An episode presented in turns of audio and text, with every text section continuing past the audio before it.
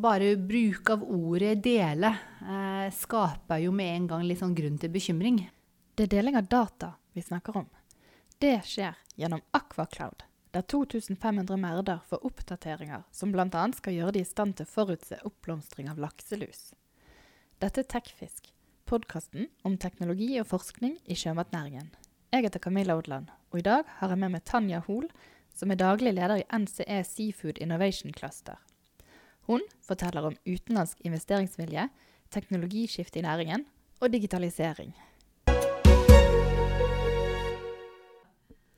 Eh, du leder NCE Seafood, som har holdt på i snart tre år og har over 90 partnere. Hvordan er det når så mange ulike aktører fra ulike typer bedrifter skal inn og samarbeide?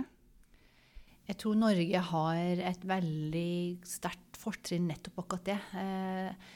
Havbruksnæringen spesielt, men også fiskerinæringen har jo veldig lang tradisjon om å samarbeide. Eh, det er en veldig sånn erkjennelse av at vi alle opererer i samme fjordbasseng. Og skal vi løse disse utfordringene, så fordrer det at man må samarbeide.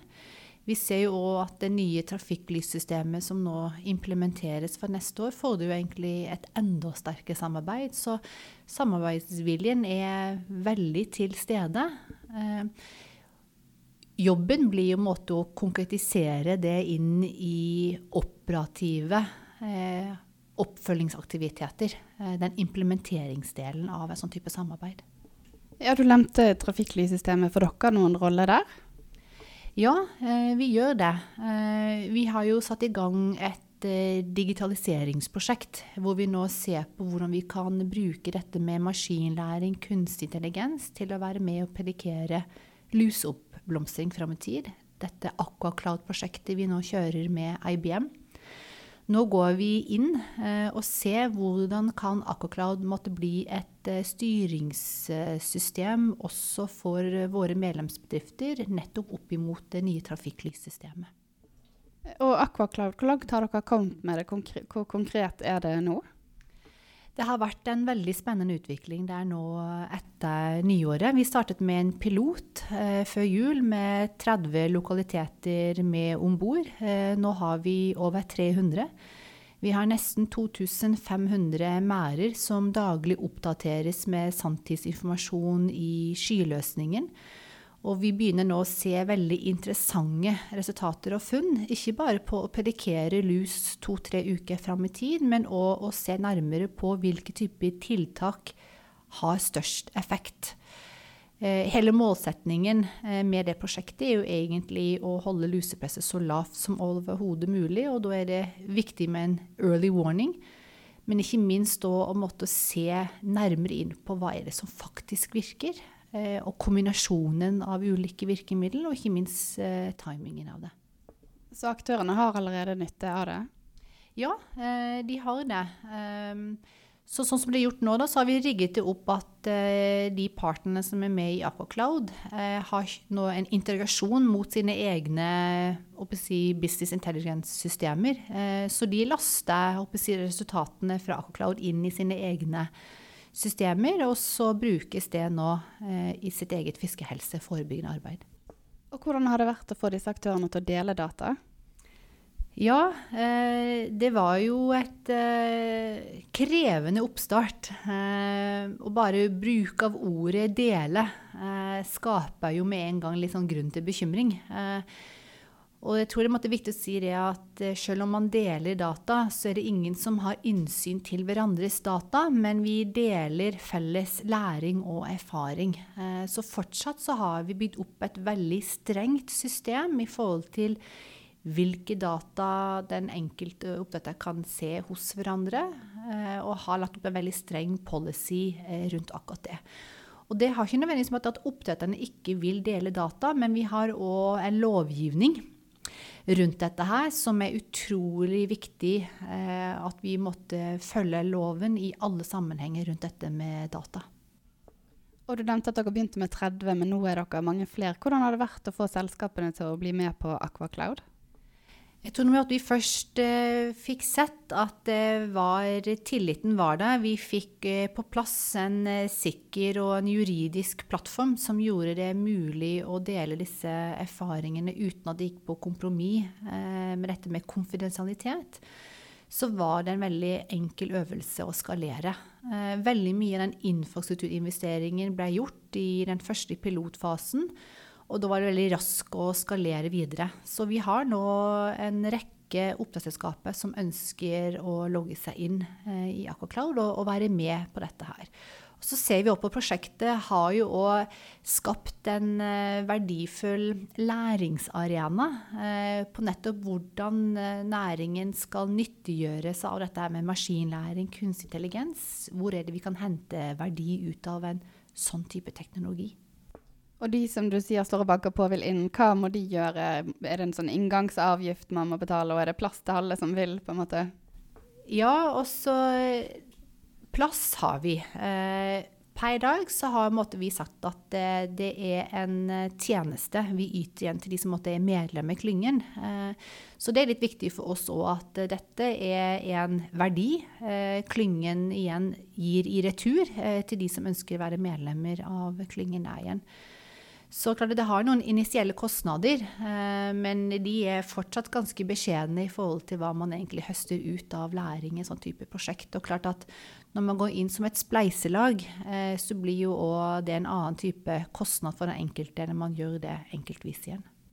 Og hvordan ser du for deg veien videre for Aquacloud nå? Det som er viktig for oss eh, videre fremover, er å se hvordan vi kan utvikle Aquacloud til å bli en digital innovasjonsplattform.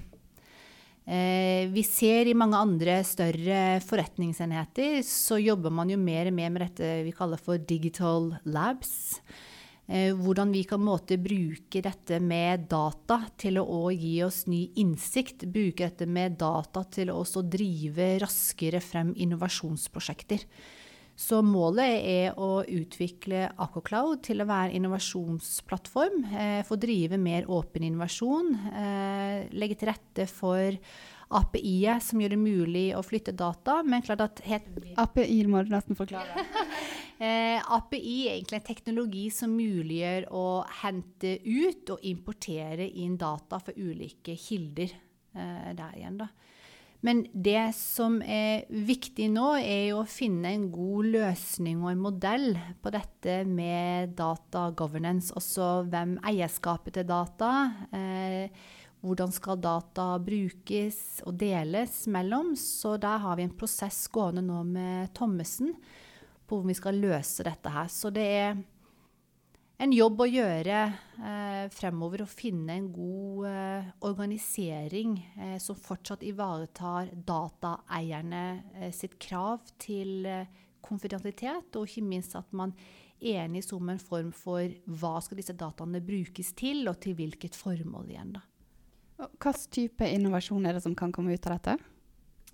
Ja, nå har vi startet med lus, eh, og det var ganske naturlig egentlig. For at lus er et fellesproblem. Eh, det har alle en interesse av å løse, og det må løses i fellesskap.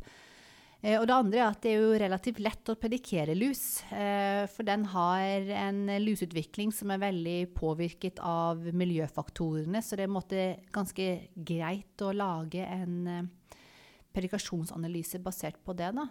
Samtidig så ser vi det at nå er vi i prosess og jobber med å utvikle en smittespredningsmodell sammen med Havforskningen, eh, basert på, på, lus og det arbeidet de har gjort eh, med den eh, strømmodellkatalogen de har. Og lykkes vi der, så vil jo måtte lusen nå være defaulten til å kunne se på andre typer fiskehelseutfordringer, f.eks. andre typer patogener eh, rundt det. Så vi tror at det er en ganske naturlig videre vei vil være å jobbe innenfor et bredere fiskehelseområde der. Eh, og nå sitter dere i Nyskapingsparken, og her sitter det masse oppstartsselskaper. Og det er Hatch, som er en sånn slags eh, inkubator for gründerselskaper, er her, og BTO. Um, merker du, Er det et slags teknologiskifte på gang i næringen? Ja, helt klart. Eh, fortsatt så er jo det biologien eh, som står i fokus. Eh, men vi ser at det er mye nye typer teknologiselskaper. Eh, mye innenfor dette med digitalisering. Eh, software, hardware, om det er sensorer som eh, er på plass i, i huset her. Så det er mye spennende tech-selskaper. Og det er ikke bare tech-selskaper vi ser som måte, har sitt utspring i Norge. Vi har et veldig spennende case her på huset med Aquabite som eh, tok det steget eh, og flyttet opp i sin eh, virksomhet fra San Francisco og etablerte en hub i Nyskapingsparken her. Så jobber òg med dette med maskinlæring og kunstig intelligens inn mot dette med biobasse og automatisk lusetelling. Da. Så vi har mye synergier med å være i et sånt type miljø. Det gir oss tilgang på veldig mye spennende kompetanseteknologier som er høyst relevant i måte å utvikle Akkurat-prosjektet videre fremover. Da. Er det en større utenlandsk investeringsvilje inn i disse nye oppstartsmiljøene som du merker? Ja, Det som eh, var veldig morsomt, var jo den investeringen som vi jo hjalp til litt med Aquabite. Eh, hvor vi ser at det kommer nå inn helt nye type investorer inn i havbruk. Eh, og vi ser òg at eh, de har hatt veldig lite kjennskap og kunnskap om muligheter for investeringscaser inn i havbruk. Så vi har nok en jobb å gjøre fortsatt med investorene eh, og vise de hvilke muligheter vi har. Eh, og der tror vi har et kjempestort potensial. Eh, men både Aquabite har jo bringt inn nye typer investorer, og så har vi jo Aquaspark, eh, som måtte kun eh, satse på litt sånn eh, tidligfasefinansiering av selskapet, som et rendyrket akvakulturinvesteringsfond. Så vi håper og, og, ønsker oss flere sånn type rendyrkede venturekapitalfond som target vår sektor. da. Ja, for Aquabite er jo fra USA og Aquaspark er fra Nederland. Så er det en større internasjonalisering på gang? Og hvordan skal dere tilrettelegge for det i tilfelle?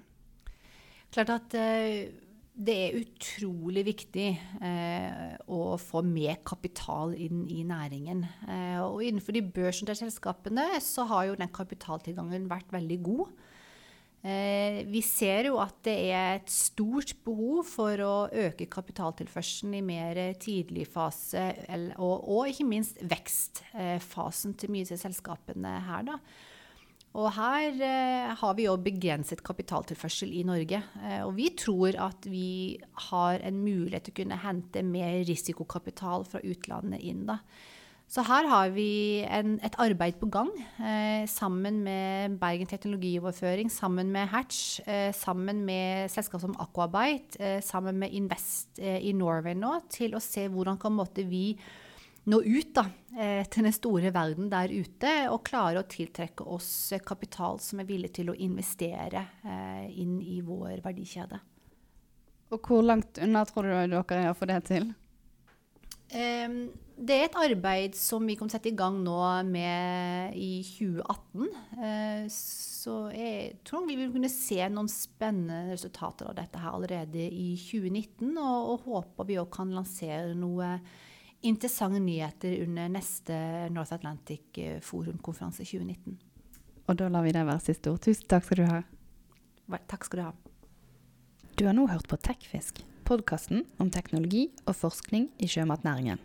Du kan abonnere på Tekfisk i podkastspilleren på telefonen din, og spre gjerne ord om tekfisk til alle du kjenner. Vi høres igjen.